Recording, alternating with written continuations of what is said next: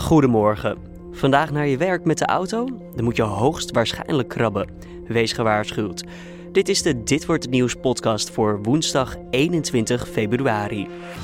Mijn naam is Julian Dom en ik praat je deze ochtend bij over het nieuws van vandaag. Met daarin aandacht voor het afschaffen van het referendum en de ploegenachtervolging op de Olympische Winterspelen. Maar eerst kijken we kort terug naar het belangrijkste nieuws van afgelopen nacht. De uitbreiding van Lelystad Airport wordt uitgesteld. Dat maakt minister van Infrastructuur en Waterstaat Cora van Nieuwenhuizen volgens RTL vandaag bekend. De uitbreiding komt op zijn vroegst pas in 2020. De minister zou meer tijd nodig hebben om onderzoek te doen naar zaken zoals geluidsoverlast. Door een brand in een flat in Rotterdam zijn meerdere mensen gewond geraakt. Elf mensen zijn naar het ziekenhuis gebracht vanwege het inademen van rook, al dus de brandweer.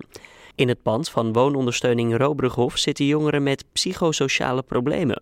Aan het begin van de ochtend kon iedereen weer terug het gebouw in. De partner van een moeder met een pasgeboren baby krijgt meer vrij van werk. Minister Wouter Koolmees van Sociale Zaken komt met een nieuwe wet daarvoor. Het totale verlof van de partner stijgt daarmee naar zes weken, waarvan één week volledig doorbetaald. Donald Trump zegt een wetsvoorstel te hebben getekend waardoor bepaalde omgebouwde wapens illegaal worden. Middels een toevoeging kon van een semi-automatisch wapen een volautomatisch wapen gemaakt worden. Dat moet nu verboden zijn. Sinds de schietpartij op een school in Parkland een week geleden is de roep om strengere wapenwetten steeds luider geworden in de VS. Later vandaag heeft de president ook nog een ontmoeting met studenten van de school. Dan kijken we naar de nieuwsagenda van deze woensdag 21 februari. Gisteravond praatte de Tweede Kamer over de wet raadgevend referendum. Het kabinet wil de wet intrekken en doet dat het liefst zonder daarover ook een referendum te houden. De Raad van State ziet geen probleem, maar of het politiek wenselijk is, dat is een tweede. We praten daarover met Avinash Biki. Avinash, dinsdagavond vond dus het tweede deel alweer plaats van het debat. Werd er nog iets noemenswaardig gezegd? Ja, dat klopt. Dit is inderdaad het tweede deel van het debat. Vorige week uh, was het debat gestart, maar hij was opgeschort. Omdat uh, eigenlijk de voltallige oppositie uh, nog wat meer informatie wilde over het advies van de Raad van State. Mm -hmm. ja, zij stellen eigenlijk de vraag of het wel houdbaar is dat het kabinet het onmogelijk maakt. Dan moet je goed opletten om geen referendum mogelijk te maken over uh, de intrekking van het referendum. Ja. Zij zeggen dus eigenlijk, nou ja, de wet, uh, wet raadgevend referendum die bestaat al. En uh, de intrekkingswet komt daarna pas. Dat betekent dus eigenlijk dat je dan wel een referendum mag houden daarover. Nou goed, het nader juridisch advies wat ze uh, verlangd hebben van de Raad van State zegt dus eigenlijk dat uh, de blokkade van het kabinet, de blokkade van een referendum over het referendum, mm -hmm. dat dat juridisch effectief was. Um, daarmee was eigenlijk ook wel een beetje de angel uit het, debat gehaald. En um, ja, gaat het er toch over, uh, waar is het nou voor nodig? Waar is het nou voor nodig om uh, in ieder geval onmogelijk te maken om er een referendum over te houden? Je moet eigenlijk het tweede debat dan meer zien als, uh, ja, toch wel verdere beschadiging van de coalitie en, en uh, althans een poging van de oppositie om het kabinet en de coalitie verder te beschadigen. Oké, okay, wat de Raad van State heeft volgens mij gezegd, inderdaad zoals jij zegt, nou, juridisch kan het allemaal, maar of dat politiek ook wenselijk is dat jullie het doen, ja, dat laat ze in het midden. Exact, dat staat dus in het, in, het, uh, in het advies. Ze zeggen dus juridisch is het effectief, dus het mag. Je mag het blokkeren. Alleen zij geven geen waardeoordeel over uh, de politieke vraag van moet je dit dan ook als kabinet willen? Uh, en dat is, dat is ook een vraag die niet alleen uh, de, de oppositie stelt, maar dat hoor je ook uh, deskundigen, politicologen en, en bestuurskundigen. Die hebben dus bijvoorbeeld in het NRC hebben zij ja, eigenlijk een soort van protest aangetekend tegen deze gang van zaken. Mm -hmm. Zij zeggen de afschaffing van, van, van van dit referendum is heel slecht, uh, met name voor het vertrouwen in de politiek. En dan gaat het over het vertrouwen bij de uh, wat lager opgeleide en uh, middenopgeleide mensen in Nederland. Um, Want ja, voor hun is dit heel belangrijk, dit referendum? Voor hun is, het, is, is de mogelijkheid om je uit te spreken in een referendum heel belangrijk, omdat zij zeggen, zeggen de deskundigen, zich wat minder uh, vertegenwoordigd voelen of betrokken voelen bij het besluitvormingsproces. Je moet je voorstellen dat ja, heel veel hoogopgeleiden natuurlijk uh, op zo'n ministerie werken en, en die, ja, die, die betrokken zijn bij partijen. Uh, dus zij voelen zich op zich wel vertegenwoordigd. Je ziet ook wel Mhm. dat eh, het draagvlak onder hoogopgeleiden eh de laatste tijd is afgenomen, met name na het Oekraïne-referendum. Ja. En ehm, ja, maar ja, de, de lager opgeleide en de middenopgeleide mensen in Nederland, ja, die vinden het nog steeds een een heel goed middel om, ehm, ja, als het ware op de, aan, aan, de, aan de noodrem te trekken van zeggen van politici, Joost even. Ehm, dit vinden wij nu even te snel gaan of even te ver gaan. Ehm, ja, dat, dat, dat, die kritiek klinkt er ook. En er is ook kritiek op het, eh, ja, dus op dat besluit om het niet referendabel maken van de intrekkingswet. Wat is de kritiek van de coalitie eigenlijk op die wet? En waarom willen ze hem zo graag weg hebben dan?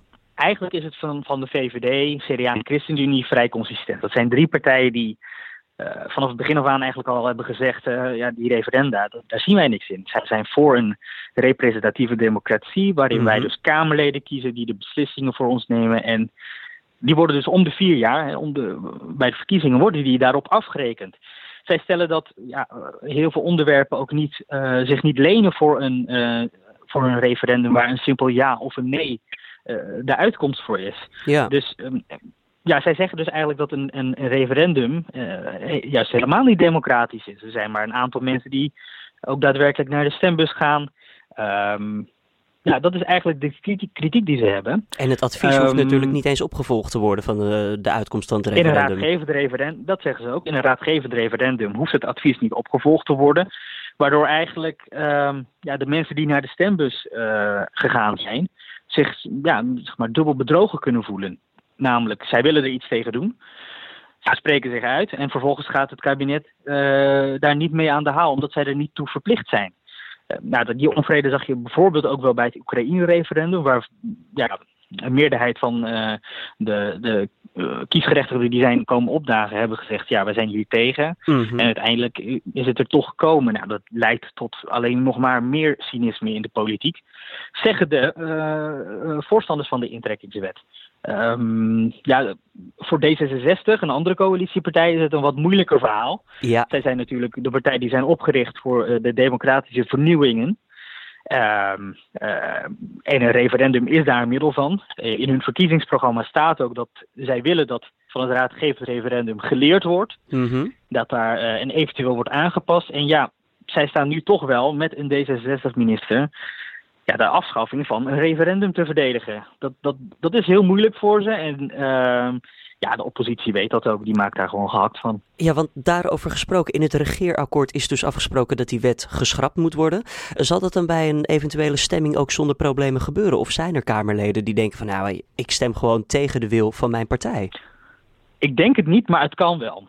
En eh, het heeft er ook mee te maken dat als we naar het debat gekeken hebben hè, van gisteravond, dan zie je dus eigenlijk dat de hele oppositie tegen deze gang van zaken is.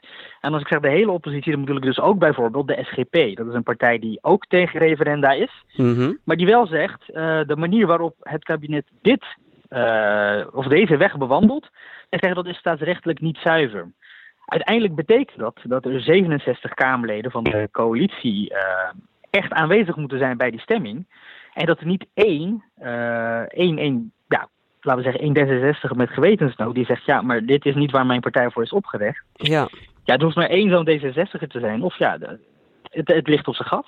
Je hoorde politiek verslaggever Avinash Biki. Dag 12 van de Olympische Winterspelen vandaag. Het wordt tijd om de medaillekast van Nederland aan te vullen. De ploegenachtervolging staat op de agenda voor de mannen en de vrouwen. Mark Lene zit voor ons in Zuid-Korea. Laten we eventjes beginnen met de mannen. Wordt het spannend of zijn we eigenlijk al zeker van een goede plek?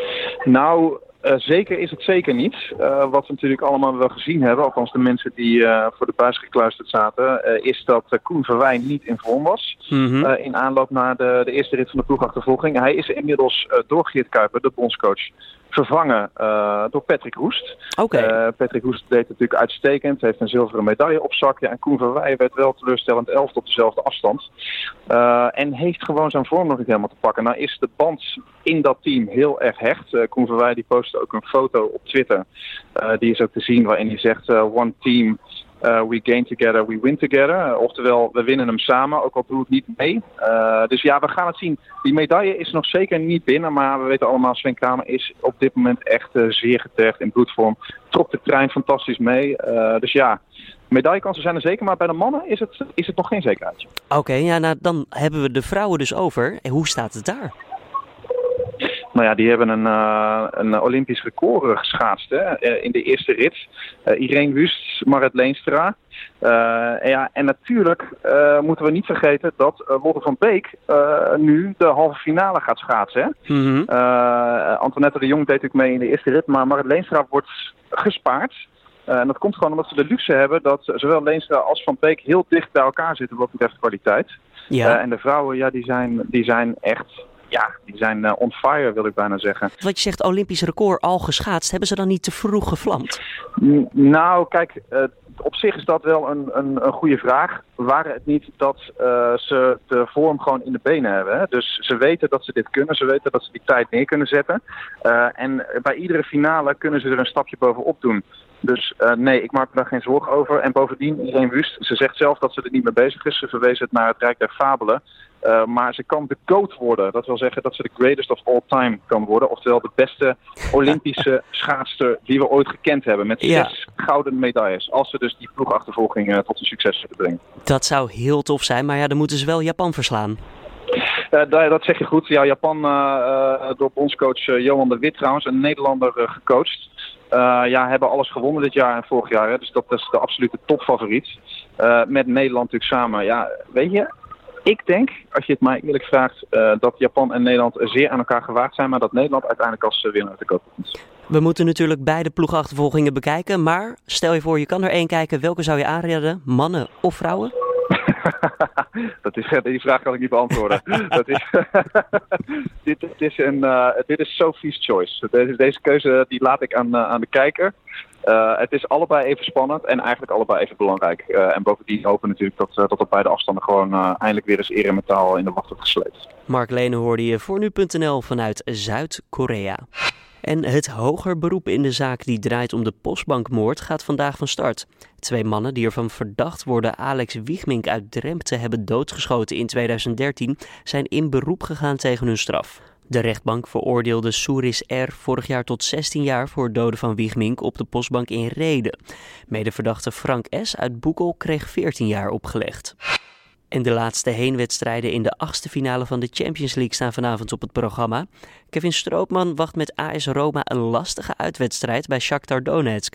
De Oekraïense ploeg was in de groepsfase onder meer twee keer te sterk voor Feyenoord.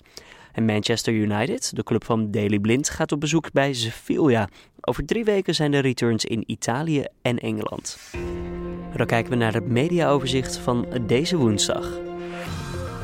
Personeel in de zorg zit steeds vaker ziek thuis. En dat kost de sector honderden miljoenen euro's per jaar. Het ziekteverzuim in de zorg is sinds 2012 sterk gestegen, rekende Trouw uit. De stijging komt doordat werknemers drie maanden tot een jaar thuis zitten met klachten, die meestal worden veroorzaakt door een te hoge werkdruk. Door een nieuwe manier van het stellen van een diagnose kan de ernst van een beroerte in drie tot vijf minuten worden vastgesteld. Dat schrijft de Telegraaf. Daardoor kan het afsterven van hersenweefsel worden tegengegaan. Door algoritme kunnen veranderingen in hersenen sneller worden geconstateerd. Dan nog eventjes het weer voor vandaag. Het blijft droog en er zijn flinke perioden met zon. Het wordt in de middag zo'n 4 tot 6 graden bij een matige noordoostenwind. In de tweede helft van de week verandert er weinig. Wel steekt er een schrale oostenwind op. De zon schijnt vaak en het wordt elke dag weer ietsjes kouder. En voordat we bij het einde zijn, nog eventjes dit. In navolging van George en Amal Clooney doneren ook Oprah Winfrey en Steven Spielberg een half miljoen dollar aan March for Our Life, de Amerikaanse protestactie voor strengere wapenwetgeving. Oprah zegt het helemaal eens te zijn met de acteur bekend van ER en Ocean's Eleven. Deze inspirerende jonge mensen doen mij denken aan de Freedom Riders van de jaren 60, die eveneens zeiden dat het genoeg was en onze stemmen zullen gehoord worden al dus Oprah. Dit was dan de Dit wordt het nieuws podcast van deze woensdag 21 februari. Zoals je weet is de Dit wordt het nieuws podcast elke maandag tot en met vrijdag te vinden op nu.nl om 6 uur ochtends. Heb je feedback voor ons? Stuur even een mailtje naar redactieapenstartje.nu.nl en laat het ons weten. Voor nu, Tot morgen.